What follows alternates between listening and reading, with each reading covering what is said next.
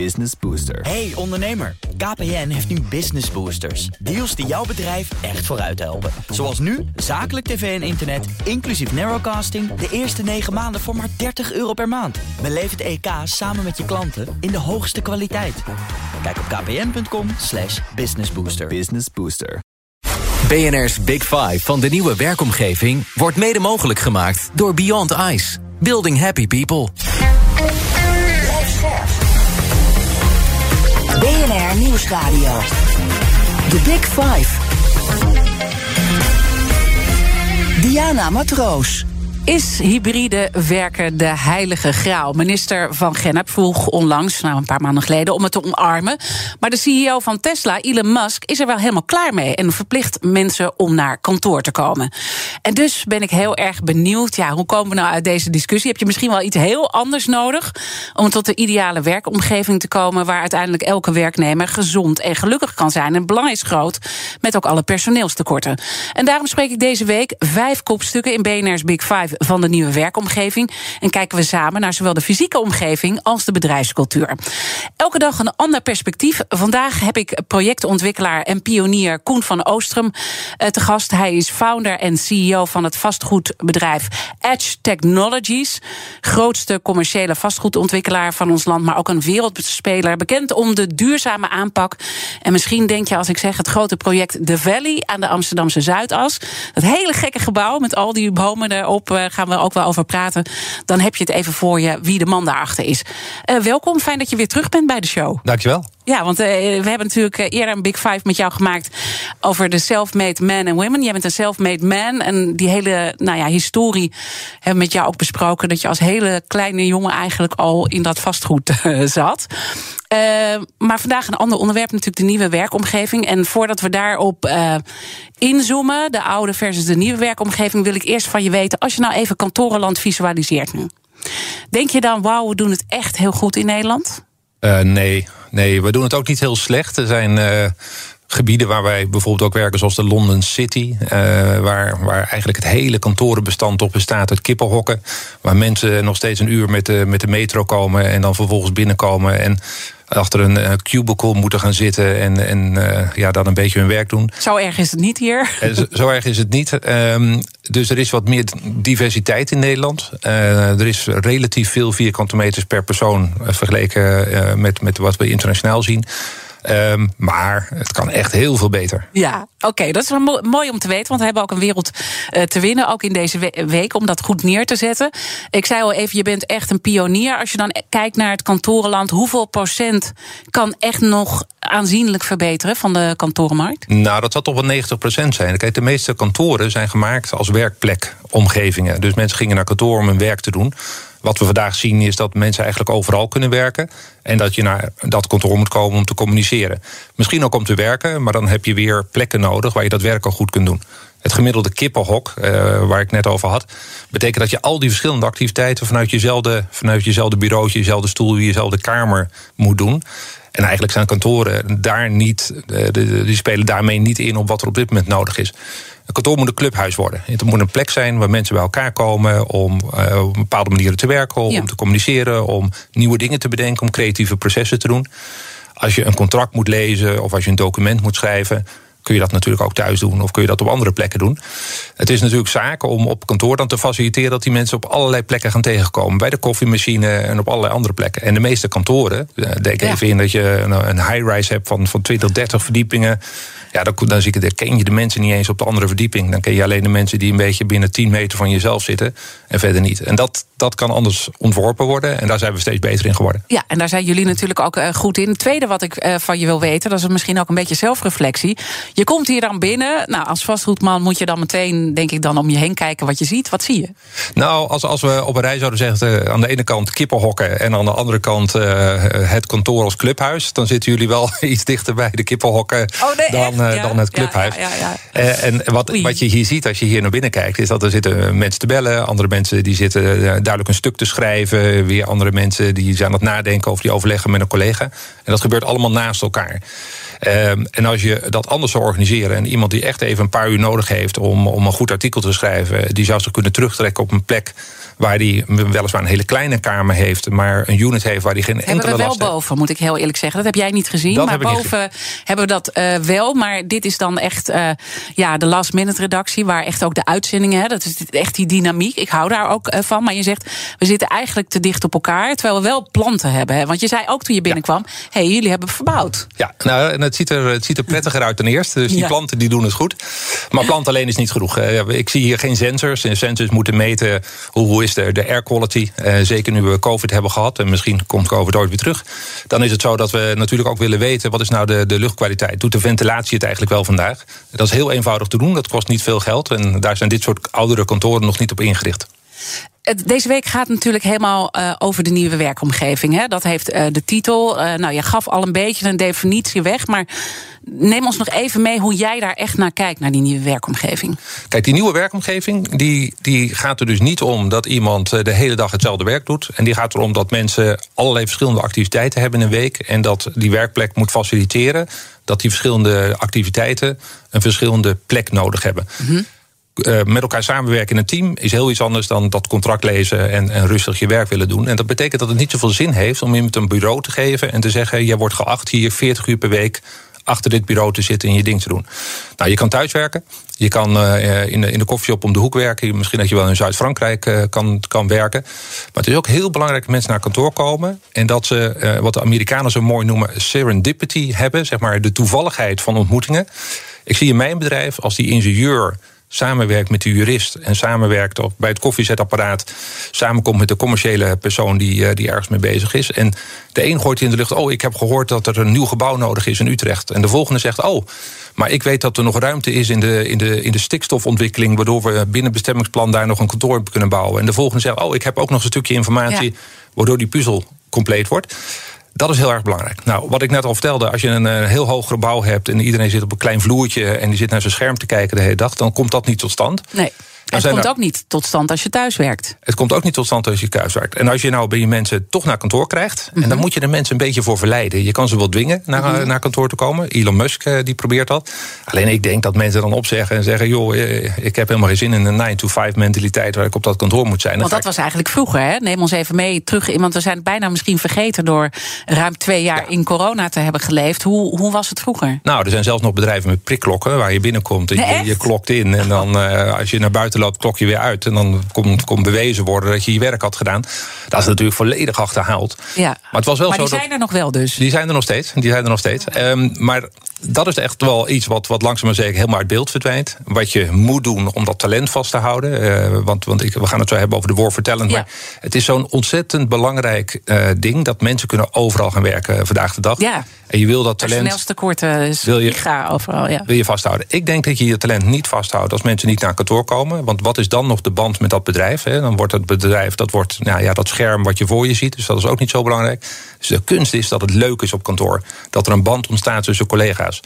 Nou, dat werkt als het, hotel, oh, sorry, als het kantoor een beetje een clubhuis wordt. In een clubhuis eh, doe je allerlei verschillende activiteiten. Dat kan zijn pingpongballen slaan. Maar vooral natuurlijk ook gewoon met elkaar werken, met elkaar communiceren.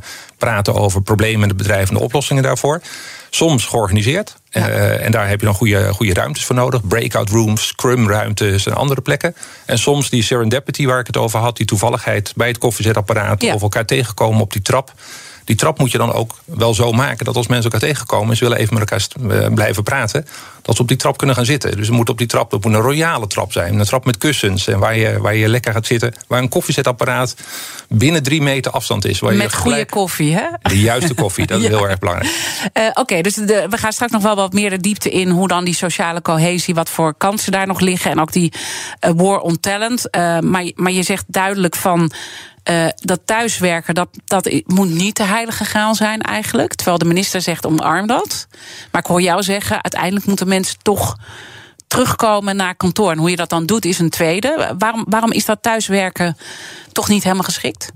Nou, ik, ik, Los van de toevallige ontmoeting, hè? want die heb je uitgelegd. Kijk, ik, ik wil niet zeggen dat thuiswerken eh, helemaal ongeschikt is. En een, een dag thuiswerken, dat is iets wat ik vaak ook zelf eh, doe. En je hebt wel eens even zo'n dag dat je echt zegt... ik wil even mijn mailbox leegruimen en geconcentreerd aan iets, eh, aan iets zitten.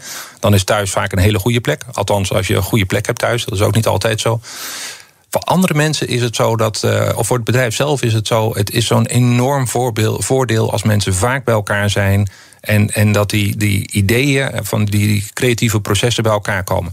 Dat hangt een beetje van het bedrijf af. Want er zijn natuurlijk ook wel bedrijven waar, ja, waar dat minder speelt. Als je alleen maar mensen hebt die een eh, IT-oplossing moeten doen en dat prima online kunnen doen, ja, dan kun je misschien meer thuiswerken.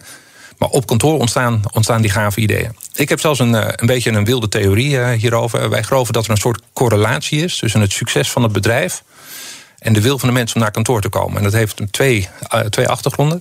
Als een bedrijf een sterke cultuur heeft en, en de mensen vinden het ook leuk om met elkaar te, te werken, dan hebben ze ook eerder de neiging om naar, naar kantoor te komen. Dan vinden ze het leuk om elkaar te zien. Mm Dan zijn collega's ook een beetje vrienden. En dan ontstaat er een soort, soort gevoel van we zitten samen achter een doel aan. We willen samen iets gaan bereiken.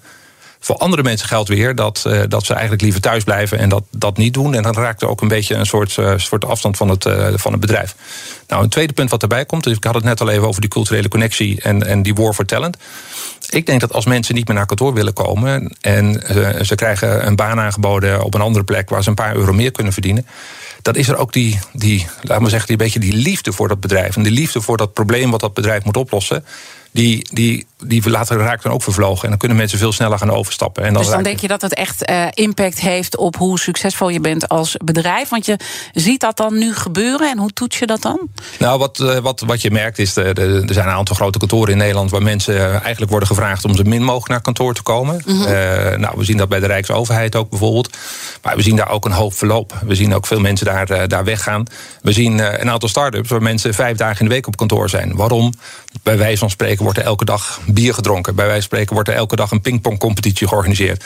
Bij wijze van spreken is het zo dat in dat bedrijf er een heel interessant sustainability probleem is wat opgelost wordt. En mensen zijn ongelooflijk gemotiveerd om daarop af te gaan. Maar je gaat een stap verder. Je zegt uh, die bedrijven waar de mensen dus naartoe komen uiteindelijk. Die doen het wel beter. Die, wij zien dat die bedrijven groeien. We zien dat die bedrijven dus ook om nieuwe kantoren vragen. En dat nog weer verder willen uitvergroten.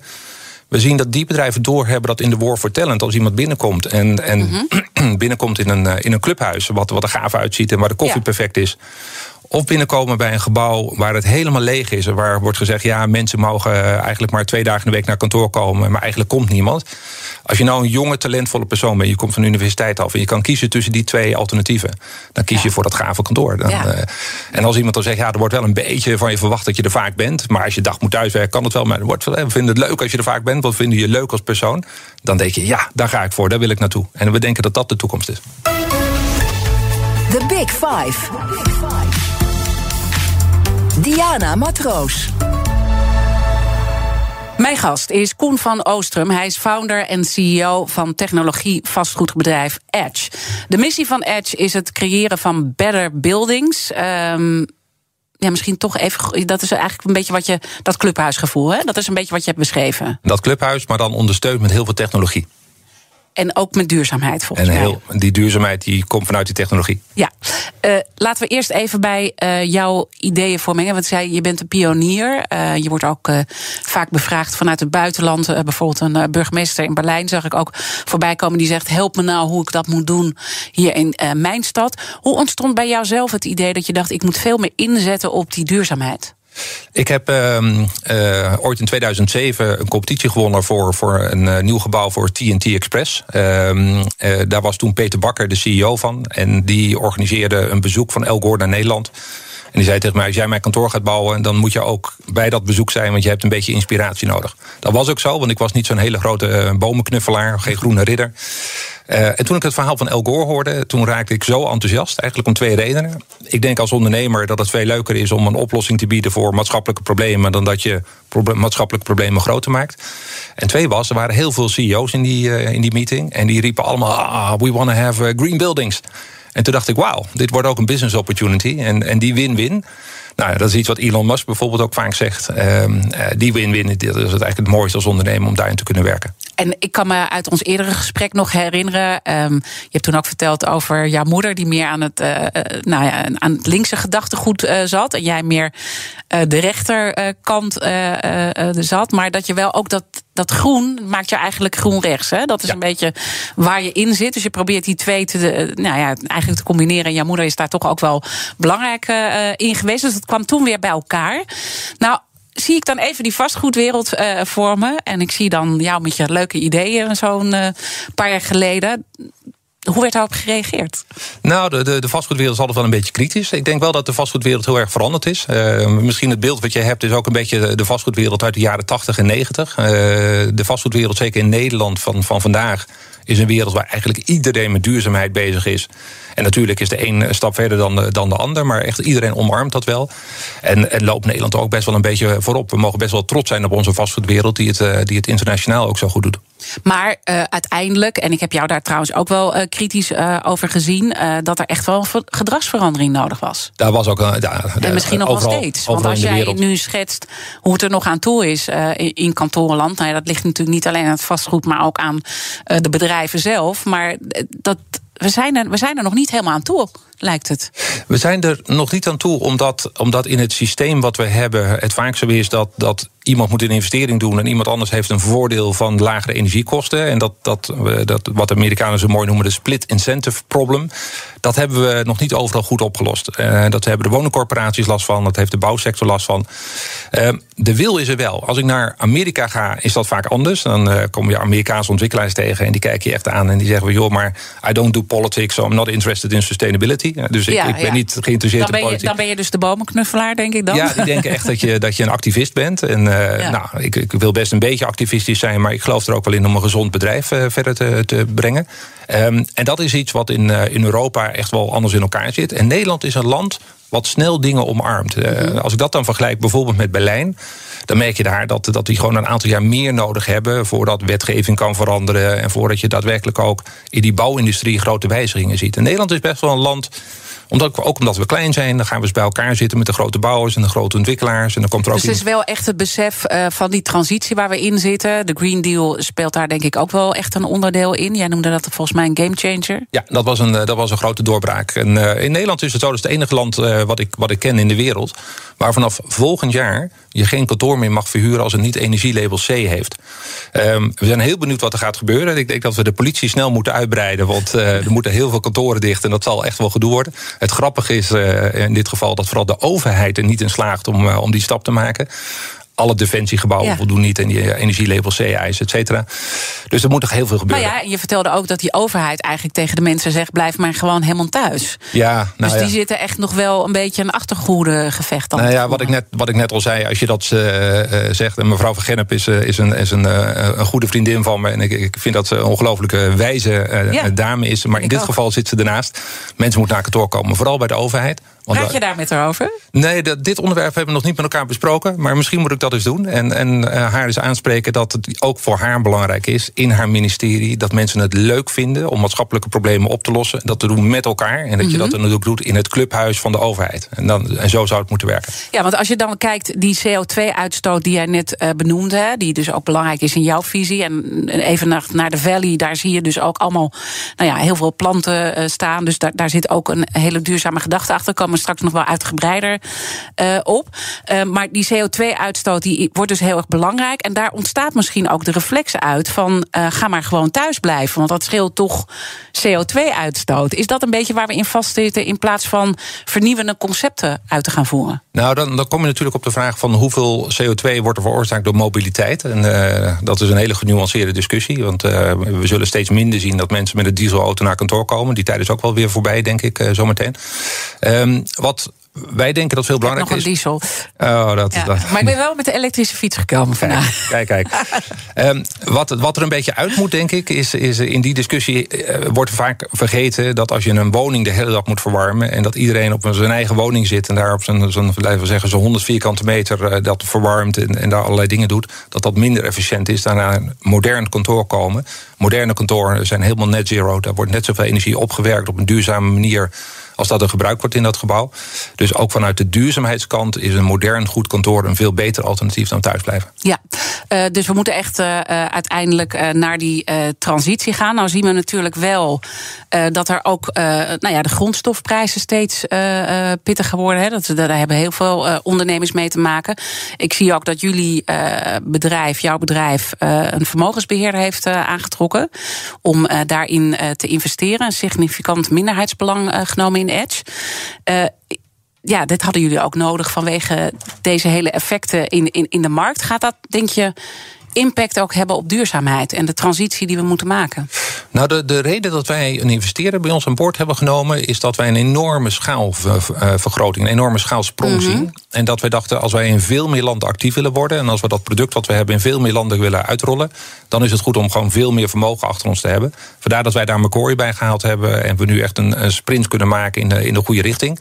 Dat is wel iets wat we meer moeten gaan zien. De vastgoedmarkt is te versnipperd. Er zijn te veel kleine spelers die het heel moeilijk vinden om de kennis en kunde te verzamelen om dingen te kunnen doen. En tegelijkertijd zien we dan dat, uh, dat uh, langzaam maar zeker uh, de woningcorporaties zich breder maken en nu zeggen we gaan massief honderdduizenden huizen in één keer verduurzamen. De bouwers gaan bij elkaar en zeggen: hoe gaan wij nou eens veel sneller al die woningen bouwen die nodig zijn?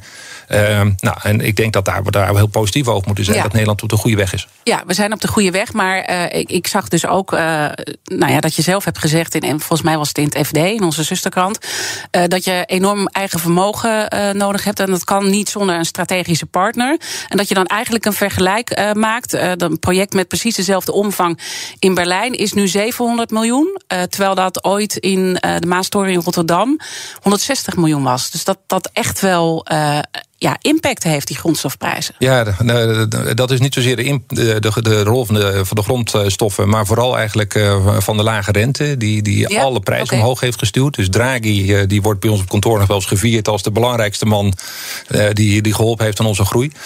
Wat nu gaande is, is wel heel erg spannend. Uh, want uh, met alles uh, rondom de inflatie, misschien wel de stagflatie, de, de, stijgende rentes die we nu zien, is het een grote vraag: wat gaat er gebeuren met die, met die prijzen van, van producten, van, van ja. grondstoffen? Maar veel grote dingen is, als die rente nog hoger gaat worden, dan gaan we zien dat uh, kantorenprijzen, woningprijzen, eigenlijk alles wat een asset is, naar beneden gaat komen. En we houden ons hard vast. We zien al uh, een behoorlijk grote shifts. Ja. Um, en er gaat nog veel meer komen. Nou, wij als bedrijf hebben gelukkig op tijd die, uh, die kapitalisatie gedaan. Dus we staan er heel goed voor om daarop in te gaan spelen. Maar voor de markt als geheel wordt dat best een dingetje. Ja, en dan kan dus dat wel, denk ik, effect hebben op die transitie die we allemaal moeten doorlopen. Ja, een bedrijf wat in de problemen zit, heeft minder de neiging om vooruit te denken en, en zich af te vragen: wat, wat gaan we nou doen? Ik denk dat, dat dat een punt is waar ook een beetje regie van de overheid nodig is. Misschien is er een, uh, Green Deal 2.0 nodig in de, in de nieuwe constellatie van bouwkosten, van inflatie. Dat je gestraft wordt voor, voor slechte bouw en voor positieve bouw een subsidie krijgt. Ja, en dat je dus een soort carrot en stick nodig hebt. Maar die carrot en stick is anders in de komende vijf jaar dan dat die was in de afgelopen vijf jaar. En uh, daar zou het wel goed zijn als de sector en de overheid bij elkaar gaan zitten. Misschien wel op een Europees platform, want het is te veel nationaal geweest tot nu toe. En kijken hoe we daar die nieuwe Green Deal kunnen uitrollen. Morgen dan is Eduard Schaapman uh, mijn gast. Hij is CEO en founder van Tribes. Abonneer je vast op onze podcast via je favoriete podcastkanaal. Want dan weet je zeker dat je geen aflevering uh, mist. Maar straks praat ik natuurlijk nog uitgebreid verder met founder en CEO van Edge, Koen van Oostrum, over de nieuwe werkomgeving en die War for Talent. En dan gaan we ook een beetje nou ja, door de gebouwen lopen. Wat doe jij nou uiteindelijk met die technologie, met dat groen, met dat hele gekke gebouw, de Valley? Wat er, misschien kunnen mensen even in de break even opzoeken, even het plaatje voor zich zien. Blijf luisteren. Business Booster. Hey ondernemer, KPN heeft nu Business Boosters. Deals die jouw bedrijf echt vooruit helpen. Zoals nu, zakelijk tv en internet, inclusief narrowcasting... de eerste 9 maanden voor maar 30 euro per maand. Beleef het EK samen met je klanten in de hoogste kwaliteit. Kijk op kpn.com slash businessbooster. Business Booster. Hardlopen, dat is goed voor je. En Nationale Nederlanden helpt je daar graag bij. Bijvoorbeeld met onze digitale NN Running Coach... die antwoord geeft op al je hardloopvragen. Dus, kom ook in beweging. Onze support heb je. Kijk op nn.nl slash hardlopen. BNR's Big Five van de nieuwe werkomgeving... wordt mede mogelijk gemaakt door Beyond Ice. Building happy people. Er is een geheim dat niemand mag kennen. Dat u alles kan kosten. Uw gezondheid uw financiën, uw gezin. Tijd voor de U-turn. De U-turn. Very private addiction care. Begrijpend lezen moeilijk? Wel nee, iedereen kan het. Kinderen uit groep 6, 7 en 8 worden sterker in begrijpend lezen in 14 weken. Vraag een proefles aan op gripoptekst.nl. De U-turn. Very private addiction care. Happy developers zitten bij Team Rockstars IT. Team Rockstars IT. Happy developers. High impact. The U-turn. Very private addiction care. Elke week een nieuw baanbrekend businessmodel. Het is wel buitengewoon knap als je dit voor elkaar krijgt. Over bedrijven die het spel slimmer spelen. Duolingo heeft die code gekraakt. Live valideren op de radio. Op zoek naar het juiste klantsegment, de goede prijsstelling en een dijk van een propositie. En als je me zo vertelt, dan begrijp ik hem eigenlijk veel beter. Baanbrekende businessmodellen. Elke woensdag tussen half drie en drie op BNR en altijd online op elk bekend podcastkanaal. Baanbrekende businessmodellen wordt mede mogelijk gemaakt door Salesforce. Verenig je rond je klant met Salesforce. Hi, ik ben Andrew van Travel Essence. Misschien wist u het ook niet, maar Australië is weer helemaal open. En u hoeft zelfs niet te testen voor vertrek. Ontdek deze zomer de Barrier Reef, Kakadu National Park en de Daintree Rainforest. Geniet van uw reis op maat met unieke accommodaties en activiteiten. Bespreek uw wensen met een van onze reisspecialisten en ontwerp samen uw droomreis naar Australië. Iedereen is creatief. Ja, echt. Jij ook. Jouw creativiteit verdient een training bij Competence Factory, de Creative Business School. Doe de testen op de test.nu en ontdek met welke training jij je creativiteit prikkelt. Unieke reizen naar Australië en Nieuw-Zeeland? Kijk op travelessence.nl. Zet 1 juli jouw stapbudget in en volg gratis een training bij Competence Factory. Goed ventileren is heel belangrijk, ook op school of kantoor. Frisse lucht binnen en de beestjes buiten met Unilux Horn. Snel en op maat. De beste kwaliteit uit eigen land. Unilux. Hoe blaas je gorthoge data tot leven met storytelling? Volg de training Spreken in het openbaar voor gevorderden. Kijk op Spreek. Spreek.nl Beschermde insecten met Unilux Horn. Bestel bij unilux.nl. Een leefbare planeet voor de volgende generaties? Onze aandeelhouders kijken vooral naar het volgende kwartaal. Dat horen we vaker bij EY. Terwijl bedrijven die nu radicale keuzes maken, zijn de winnaars van morgen. EY helpt bedrijven op allerlei manieren om de omslag te maken. Van het benchmarken van klimaatrisico's tot een strategie voor duurzame transformatie. Kijk voor meer informatie op ey.nl slash sustainability. EY Sustainability. Duurzaamheid hard gemaakt. De Noordzee als het groene stopcontact voor Nederland. Als het aan het kabinet ligt, gaan we die kant op. Maar wat betekent dat voor het leven onder water? Je hoort het vanmiddag om drie uur op BNR. BNR Duurzaam wordt mede mogelijk gemaakt door Perpetual Next. The future is perpetual. Bij EY helpen we steeds meer bedrijven duurzaamheid hard te maken. Met inzicht en advies over hun strategie en transformatie. Daarom hebben we nieuwe mensen nodig. Professionals die hun duurzaamheidsambities nou wel eens echt in de praktijk willen brengen. Kijk op werkenbijey.nl. BNR Verkeer. Ik ben Erwin Hart van de AWB en uh, dit zijn de files. A16 Rotterdam richting Breda bij afrit Dordrecht Centrum 2 kilometer. En een kwartier vertraging zal wel een te hoge vrachtwagen voor de Drechttunnel staan. Verder geen files, wel flitsermeldingen op de A4 Rotterdam Den Haag bij hectometerpaal 57,8. A4 Amsterdam Den Haag bij 8,6. En de A13 Den Haag richting Rotterdam bij hectometerpaal 7,0. Wat is nou een aantrekkelijke werkomgeving die ervoor gaat zorgen dat al die mensen uiteindelijk bij jou willen werken en dat jij niet met dat personeelstekort zit? Dat is het topic in het tweede halfuur van BNR's Big Five van de nieuwe werkomgeving met vastgoedman en pionier Koen van Oostrum. BNR Nieuwsradio. De nieuwsupdate van half elf. Goedemorgen, ik ben Ronald Remmelswaan. Supermarkten zijn bang voor lege schappen als boeren hun blokkadeacties bij distributiecentra blijven volhouden. Er kan nu vooral een tekort aan verse producten ontstaan, zoals groente, fruit en brood. Supermarkten hebben de protesterende boeren opgeroepen om hun blokkades te stoppen. Bij Schiphol zijn nog geen actievoerende boeren te zien, maar de marechaussee is er wel op voorbereid. Zo staan er panzervoertuigen klaar en zware vrachtwagens om tractoren af te voeren.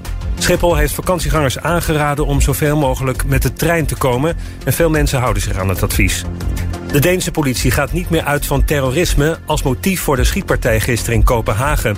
Bij een winkelcentrum schoot een man drie mensen dood... en raakten er vier zwaar gewond. De schutter zou al jaren psychische problemen hebben. Op social media zou hij over de psychiatrische gezondheidszorg hebben geklaagd. Om de berg aan plastic afval naar festivals te verkleinen... gaan die steeds meer over op inleverbekers, meldt de NOS. Die bekers koop je vooraf, gebruik je tijdens het hele festival... en na afloop lever je weer in en krijg je je geld terug. Om ze voor een volgend festival weer te gebruiken... worden de bekers na afloop goed gewassen. En over twee dagen begint het EK voetbal voor vrouwen... en Nederland is niet de grote favoriet. De kans dat de Oranje opnieuw de Europese titel pakken is 12% heeft een sportdatabureau uitgerekend. Drie landen maken meer kans, Frankrijk, Zweden en gastland Engeland. En dan het weer van Weer Online. Rustig zomerweer met zon, stapelwolken en in het binnenland een lokale bui. Het wordt van noord naar zuid 19 tot 24 graden... en de komende dagen verandert er weinig. En tot zover het ANP-nieuws. NOW-subsidie ontvangen? Speciaal voor werkgevers heeft UWV de NOW-checker ontwikkeld. Deze biedt direct inzicht in uw NOW-financiën... en geeft aan wanneer u wat moet doen. Ga naar uwv.nl slash NOW-checker. Zeker weten dat een uitzendbureau zijn zaken op orde heeft... en goed omgaat met zijn mensen? Kies voor een uitzendbureau met het ABU-keurmerk. ABU, dat geeft zekerheid. Voor inzicht in uw NOW-financiën gaat u naar uwv.nl slash NOW-checker. UWV, oplossingen voor werkgevers. Weet jij al of augustus een goede maand wordt? Grip geeft antwoorden. Te laat om bitcoin te kopen? Dat zei je vorig jaar ook al. Download vandaag nog de Lightbit-app. Open een account en start al vanaf 10 euro. Bij Lightbit is het kopen en verkopen van bitcoin, ethereum... en 50 andere crypto voor iedereen mogelijk. Zet je geld voor jou aan het werk. Hulp nodig? Wij helpen je. Handelen in crypto? Doe je bij Lightbit. Grip.com, CRM, sales, projecten en facturatie. Freelance.nl, het freelance platform van Nederland. Kijk op freelance.nl. Hey ondernemer, KPN heeft internet dat jouw ambitie kan bijbenen. Supersnel en stabiel, extra veilig en service die altijd voor je klaarstaat. Dus wat je ook van plan bent, onderneem op volle snelheid met zakelijk internet van KPN. KPN, het netwerk van Nederland. Wij willen uw Rolex. Draagt u uw Rolex niet meer? Spiegelgracht Juweliers, de horlogewinkel van Amsterdam... zoekt met spoed Rolex-horloges om de collectie te vergroten. Maak nu een afspraak en verkoop uw Rolex-horloge aan Spiegelgracht Juweliers. Beethovenstraat nummer 7 in Amsterdam. Of kijk op spiegelgrachtjuweliers.nl. Zakelijk internet van KPN. Supersnel, superstabiel en extra veilig. Ga voor de beste deal voor ondernemers naar kpn.com zakelijk. BNR's Big Five van de nieuwe werkomgeving wordt mede mogelijk gemaakt door Beyond Ice. Building happy people. BNR Nieuwsradio. The Big Five. Diana Matroos. Welkom bij tweede halfuur. Deze week praat ik met vijf kopstukken uit de wereld van een nieuwe werkomgeving. Later deze week praat ik nog met hoogleraar Stefan van der Stichel over het psychologische aspect van die nieuwe werkvloer. Want die is natuurlijk ook super belangrijk. Abonneer je nou vast even op onze podcast. Dan uh, weet je zeker dat je de aflevering niet mist. Mijn gast vandaag is Koen van Oostrum. Hij is CEO en founder van Edge. Dat is een technologie vastgoedbedrijf. En eigenlijk uh, hebben we net ook besproken, Koen, dat je nou ja, met je eigen bedrijf een hele transformatie uh, hebt uh, ondergaan al jaar geleden. Uh, technologie verbonden aan duurzaamheid. Dat ga je ook een beetje uitleggen in dit komende half uur. Ik wil sowieso twee onderwerpen met je bespreken. Namelijk de toekomstige nieuwe werkomgeving. Want ik zei, je bent een pionier. Dus ik wil ook echt even kijken wat gaat er allemaal nog aankomen in de, in de toekomst. En het talent binden en vasthouden. En wat dat eigenlijk vraagt aan de werkomgeving. En daar heb je al een beetje wat over gezegd, over die war on talent. we weten dat iedereen kampt met personeelstekort. Hoe belangrijk uh, gaat die nieuwe werkomgeving daarin zijn om eigenlijk de winnaar te zijn als bedrijf? Dat je niet dat probleem hebt.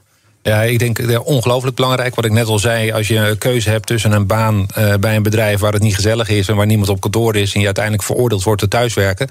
Wat zeker voor een starter in een bedrijf verschrikkelijk is. Want je moet toch leren hoe het werkt in een bedrijf. Je moet de cultuur kunnen opsnuiven. Als je net uit de universiteit komt, dan, dan moet je überhaupt leren wat is werken eigenlijk. Dan stel je voor dat je dan bijvoorbeeld gaat werken, ik noem maar wat, bij een grote bank. En bij die grote bank hebben ze het beleid dat je één dag in de week op kantoor bent. Ja, dan, dan ben je verloren. Kunnen ze wel een programma organiseren dat je een beetje ja, educated raakt over, uh, over de visie van de bank of zo. Maar uiteindelijk gaat het erom dat je natuurlijk in een groep werkt en dat je, dat je leert van de oudere mensen in zo'n in zo'n groep uh, hoe het eigenlijk allemaal gaat binnen zo'n, uh, nou, ja. van een bank binnen zo'n bank. Hoe gaat het met klanten en, en hoe krijg je dingen gedaan in het leven en specifiek in dat bedrijf? Daar heb je groepen mensen voor nodig. En die groepen mensen die komen samen en dat noemden we vroeger een kantoor. Wij noemen dat tegenwoordig een clubhuis.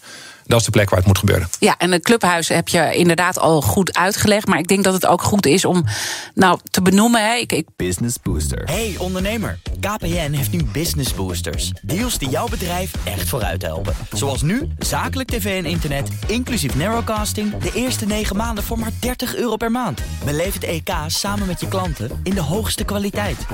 Kijk op kpn.com slash businessbooster. Business Booster. Hardlopen, dat is goed voor je. En Nationale Nederlanden helpt je daar graag bij. Bijvoorbeeld met onze digitale NN Running Coach... die antwoord geeft op al je hardloopvragen. Dus, kom ook in beweging.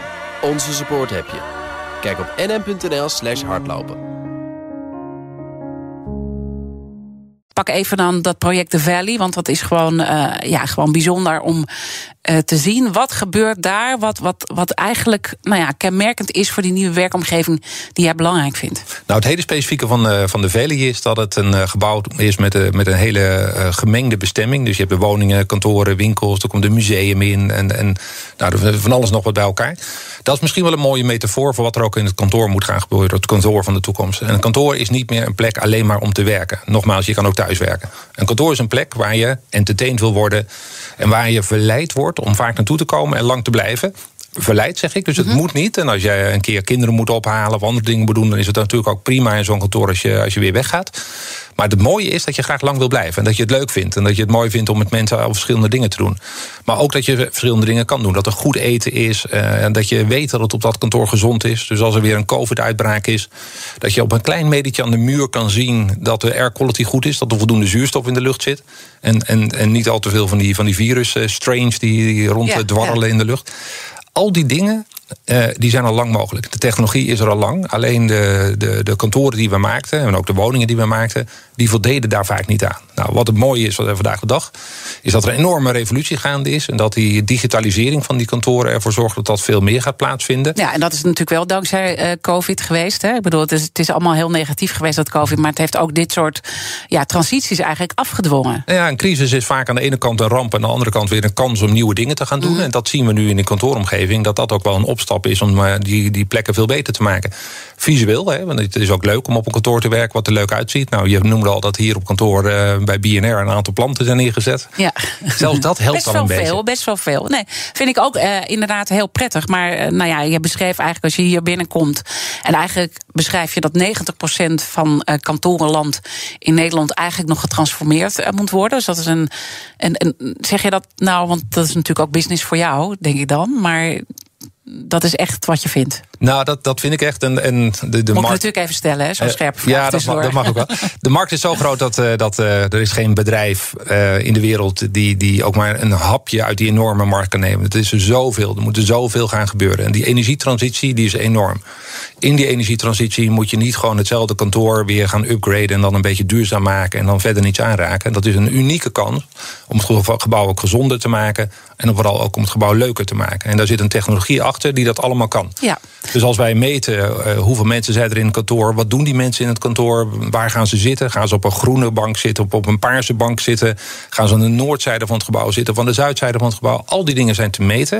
En die zorgen ervoor dat we beter eh, ons voor kunnen stellen hoe die, hoe die kantoren gebruikt worden. En hoe we ze dus ook beter kunnen maken, dat die kwaliteit overal heel hoog is. En kan je dan een voorbeeld geven van een meting die je dan doet eh, binnen zo'n bedrijf, waardoor je iets kan verbeteren en wat dat dan is? Nou, bij ons op kantoor hebben wij bijvoorbeeld eh, hele simpele CO2-sensors. Het leuke van, een, van CO2 meten in een, eh, in een ruimte, dus de CO2 die we uitademen, dat is dat die heel sterk gecorreleerd is met de, de virus, de virus load eh, Ja. in, in een ruimte.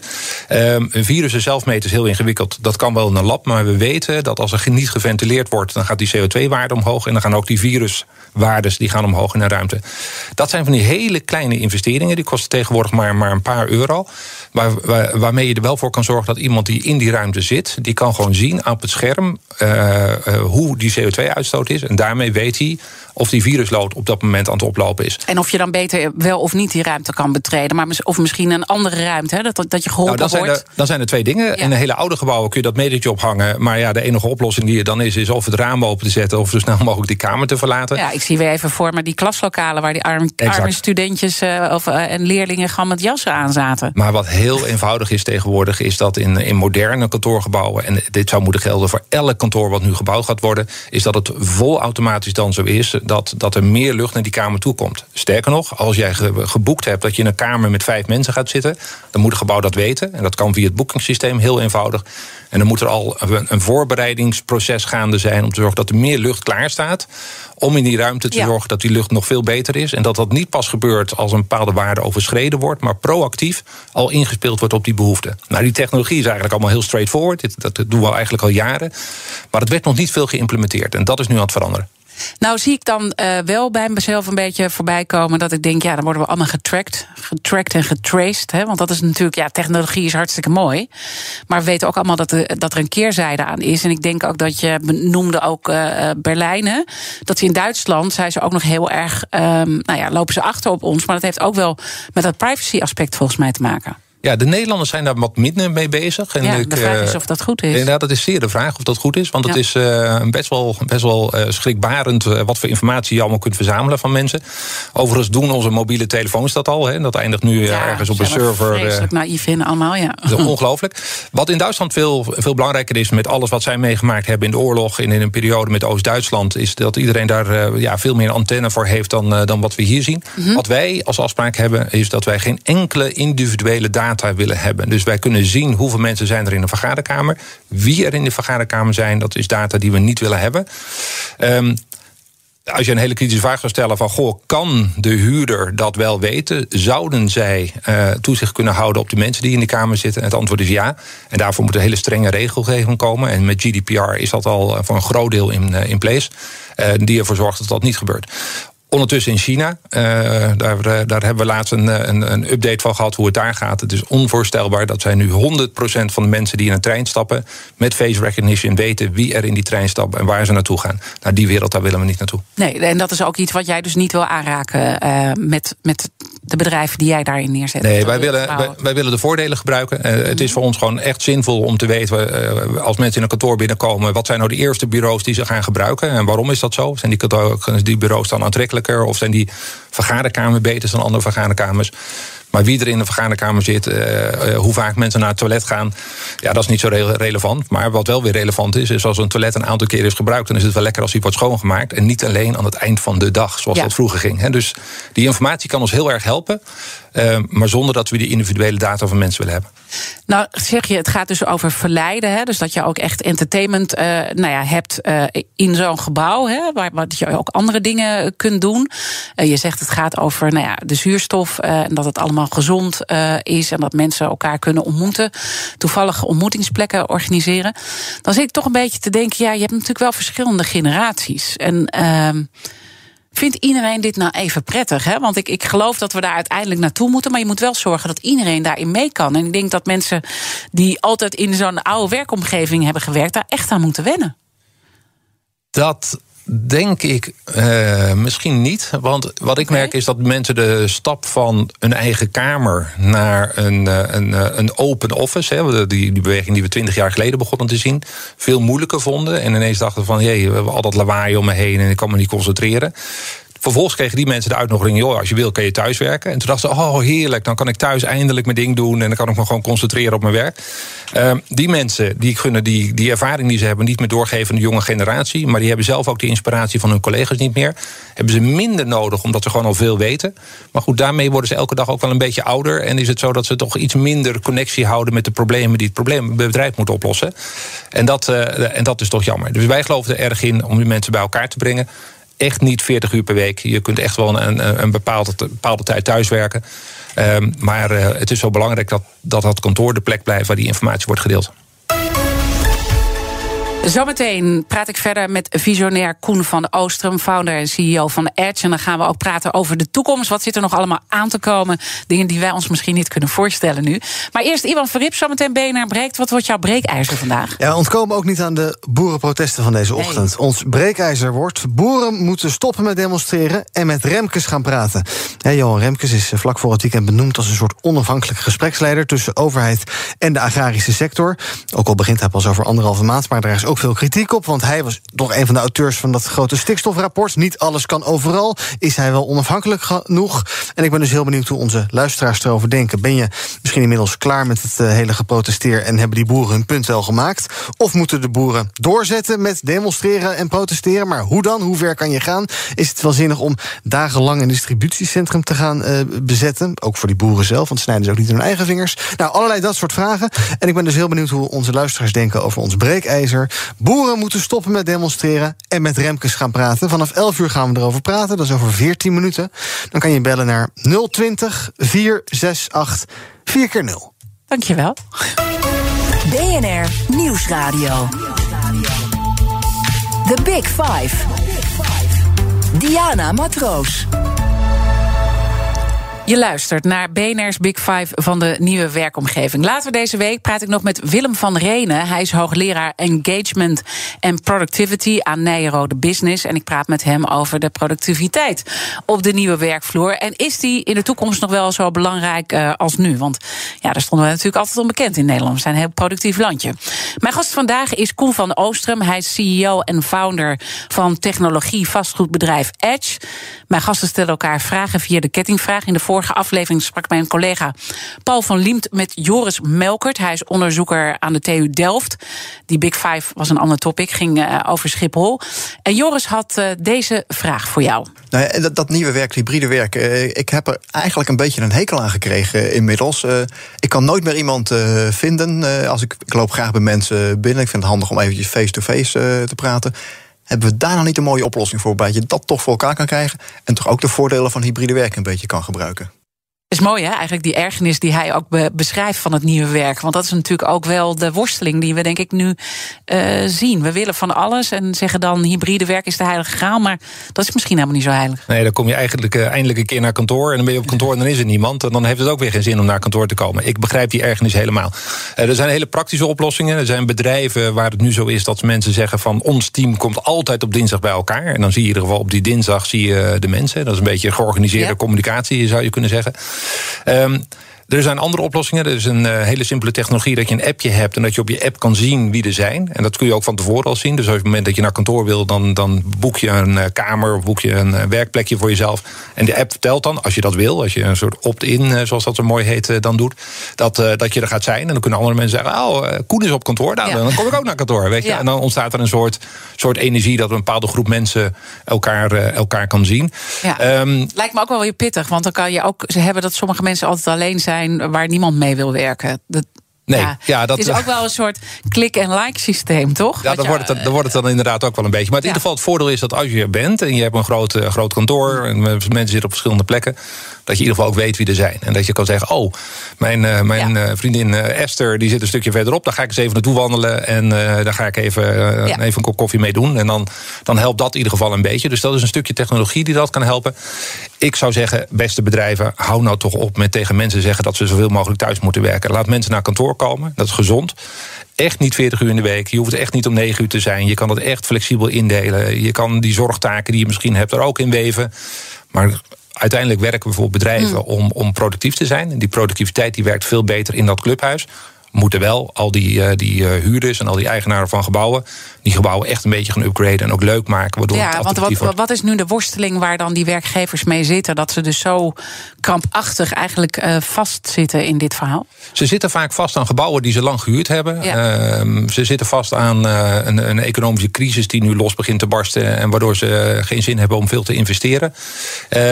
Ehm, ik denk overigens dat het niet veel geld hoeft te kosten. Um, er zijn heel veel oplossingen. Kijk, een, bij wijze van spreken een pingpongtafel kopen... om maar eens een gek voorbeeld uh, aan te halen. Dat kost natuurlijk helemaal niks. Die kun je op Marktplaats voor een paar euro uh, kopen. Um, de kunst is om, om even met je, met je personeel in gesprek te gaan... tegen elkaar te zeggen, wat is nou een model wat bij ons past als bedrijf? Want er is ja. ook niet één formule voor alle bedrijven in de wereld. Bedrijven zijn heel verschillend. En dan tegen elkaar zeggen van, uh, we moeten organiseren... Dat het, dat het leuk is op kantoor. En hoe gaan we dat doen? Wat ja. voor processen? Gaan we borrels organiseren? Doen we yoga in de ochtend? Uh, wat, wat, wat gaan we doen om ervoor te zorgen dat er een groep mensen is die het leuk vindt? Ja. En dat trekt dan heel veel andere mensen weer aan. En dat is nog even los van hoe je dan een, een kantoor echt uh, gaat veranderen. Want daar heb je natuurlijk veel langer voor nodig als je zo'n gebouw wilt transformeren. Maar je kan eigenlijk wel iets doen. Toch vraag ik me af, is dit nou alleen maar weggelegd voor de grote uh, bedrijven uiteindelijk? Hè? Als je dus echt met technologie en al die mooie snufjes die jij net uh, vertelt. Dan denk ik, ja, een ABN AMRO kan dat doen. Hè? Die zijn ook nu weer met een nieuw gebouw bezig. Maar, maar ja, er zijn ook heel veel ondernemers die naar ons luisteren die misschien helemaal niet aan kunnen. Nee, dat is misschien wel een beetje zo. Maar, maar um, ik denk ook dat heel veel bedrijfsverzamelgebouwen dat, dat dingen al kunnen. Ik denk dat uh, als je een ruimte hebt en je richt die iets anders in. Nou, wat, wat hier al is geprobeerd op dit kantoor met een paar planten. En, ja. en even nadenken, kunnen we het nou in ieder geval een kleine upgrade geven. Het is een heel spectrum tot het perfecte kantoor. Met alle technologie, met, met wat ik net al zei, de CO2-sensors, de extra lucht en, en de gezondheidszaken. Uh, maar uh, er is zo, zoveel laaghangend fruit. Het is zo makkelijk om alvast gewoon dat kantoor leuker te maken. En ik zou beginnen voor elk kantoor in Nederland: koop een goede koffiemachine. Zorg dat die koffie lekker is. En, ja. en uh, eigenlijk zou je ook. toch heel belangrijk. Zou je ook moeten zorgen dat er, dat er in, als je een bedrijfsverzamelgebouwtje hebt en je huurt één verdiepingje, maar dat er beneden een baristaatje is. En, Ja. en die, die mensen kosten niet zo heel veel geld. Die, die kun je makkelijk opleiden. En een goede koffiemachine. Dat je binnenkomt en dat je even een perfecte cappuccino krijgt. En dat mensen dan uh, bij die koffiebar al even met elkaar staan. En misschien niet eens meer naar een verdieping gaan. Omdat ze beneden in dat halletje waar ze met elkaar die koffie staan te drinken. al bij elkaar denken: van hé, hey, wat leuk. Laten we even buiten op het terrasje gaan zitten. Laten we even gaan nadenken. Want er is een heel interessant probleem met het bedrijf. We hebben lekkere koffie en we gaan even met elkaar communiceren. Ja, je moet natuurlijk ook wel weer zorgen dat het niet te gezellig wordt en dat het vooral over privéverhalen gaat, natuurlijk. Hè? Dus dat, ik denk ook wel dat leidinggevenden het misschien ook best spannend vinden hoe je daar dan leiding aan moet geven. Ja, we moeten gaan, uh, gaan meten op output en niet op, op input. Dus niet op die 40 uur waar we het eerst ja. over hadden, maar op die, op die output. Kijk, ik denk dat het zeker zo is dat het voor managers ook makkelijker is als die mensen zien bij dat koffieapparaat en zien dat ze engaged zijn. Want wat je moeilijk kan meten, iemand kan de hele dag in een Zoom-meeting zitten en dan kun je zeggen: Oh, ik zie die persoon steeds ja, in de Zoom-meeting. Dus ze zijn bezig. Maar zijn ze blij? Zijn ze enthousiast? Hebben ze ideeën? Komen ze, komen ze nog, nog verder in, in dat werk? Of, of zijn ze eigenlijk al lang afgehaakt? Mm. Dat is het grote probleem van deze tijd. Uh, ik zit een beetje naar de klok uh, te kijken. We hebben nog uh, ruim drie minuten. En ik wil toch nog, nou ja, sowieso de kettingvraag moeten we nog stellen. Want ik heb morgen natuurlijk weer een andere gast. maar neem ons nog even mee, heel visionair. Want ik zeg, je bent een pionier, je bent een visionair. Zijn er nog dingen waar jij voor de toekomst echt op hoopt dat we die gaan doen? Die nog veel verder gaan als wat jij nu doet? Nou, dit is een unieke kans momenteel. En de unieke kans is dat we toch de, opgave hebben om de hele gebouwde omgeving te gaan veranderen. En dat heeft met die duurzaamheid te maken. Al die gebouwen die moeten net zero gaan worden in de komende jaren. Daar is veel geld voor beschikbaar. Daar is dus een hele grote Europese Green Deal. Er is een Nederlandse Green Deal uh, voor beschikbaar. Er zijn subsidies voor beschikbaar. En als we dat nou toch doen, laten we dan gelijk die kantoren veel leuker maken. En, en laten we ook de woningen en de winkels ja. en andere plekken leuker maken. Laten maar dat we is steden eigenlijk wat maken. jij dus nu al doet, hè, met, bepaalde uh, projecten die ik net ook heb uh, beschreven samen met jou. Maar is er nou iets waar jij van droomt in de toekomst qua technologie, snufjes, echt iets nieuws wat we gaan doen op, de, op die nou ja, nieuwe werkomgeving die er misschien over tien jaar aan zit te komen? Daar denk je al over na. Nou, wat we, uh, wat we gaan zien is dat het zometeen makkelijker wordt om uh, uh, niet meer naar zo'n tweedimensionaal scherm te kijken. Maar als je dan inderdaad een keer thuis werkt of je werkt eens een keer op reis, dat je jezelf zou kunnen verplaatsen naar een hologram en dat die hologram ook in dat kantoor is. wij hebben robotjes rondrijden en die hebben een groot scherm als, als hoofd. En dan zien ze mijn hoofd en dan zien ze mijn hoofd in Berlijn rondrijden, terwijl ik in Amsterdam ben. En dan kunnen ze met mij praten en dan kan ik met ze terugpraten. Maar dan kan ik ook daadwerkelijk over de verdieping rijden en bij wijze van spreken met iemand een virtuele koffie drinken. Die, uh, die aan het uh, koffiezetapparaat staat. Er zijn ontzettend veel, laten we maar zeggen, gimmicks uh, die, het, die het heel goed doen. maar ik vind dat de basis toch vooral is, de, wat we kwijtgeraakt zijn, is de, die ouderwetse human interaction. Gewoon die, die passie dat het leuk is om met elkaar samen te werken. Ja. En, en daarvoor moeten we misschien wel een beetje minder technologie in plaats van te veel technologie hebben. Helder. Uh, die kettingvraag die uh, gaan we nog stellen. Uh, want morgen dan praat ik met CEO en founder van Tribes, Eduard Schaapman. Wat zou je aan hem willen vragen? Nou, eerst, ik vind het heel erg leuk. Eduard is, is, een, is een vriendje en een ongelofelijke goede ondernemer. En ja. een heel, heel enthousiast. Wat ik aan hem wil vragen. heel veel bedrijven zijn op zoek naar flexibele oplossingen. Ze weten gewoon niet hoeveel kantoren ze nodig hebben in de toekomst. Dus ze zoeken iets met, met korte huurcontracten. Ik had dus verwacht dat we een explosie zouden zien van wat we noemen coworking. Dat is de industrie waar hij in zit. Maar WeWork heeft het toch niet zo heel makkelijk. Uh, we zien dat, dat andere bedrijven nog, nog niet zo hard groeien als ik had verwacht. is dit nou de stilte voor de storm? Of um, uh, is het zo dat, dat toch dat model minder succesvol is dan we allemaal hadden gedacht? En is coworking iets wat, wat wel altijd een beetje zou zijn, maar niet in de mate waarin, uh, waarvan we gedroomd hebben? Mooie vraag. De, wat denk jij? Ik denk dat stilte voor de storm is en dat coworking een enorm grote toekomst gaat hebben. Ik ben heel erg benieuwd naar zijn antwoord, want hij moet het natuurlijk uh, weten. Dank je wel dat je weer uh, te gast wilde zijn uh, bij mijn programma. Koen van Oostrum, CEO en founder van Edge. Alle afleveringen van BNR's Big Five zijn zoals altijd terug te luisteren. Abonneer je alvast op onze podcast via onze app of je favoriete podcastkanaal natuurlijk. Dan mis je geen aflevering. Maar blijf live. Zometeen Iman Verrips met het mooie programma BNR breekt. Over de boeren moeten ze stoppen met protesteren en in gesprek gaan met Remkes. Ik wens je een mooie dag.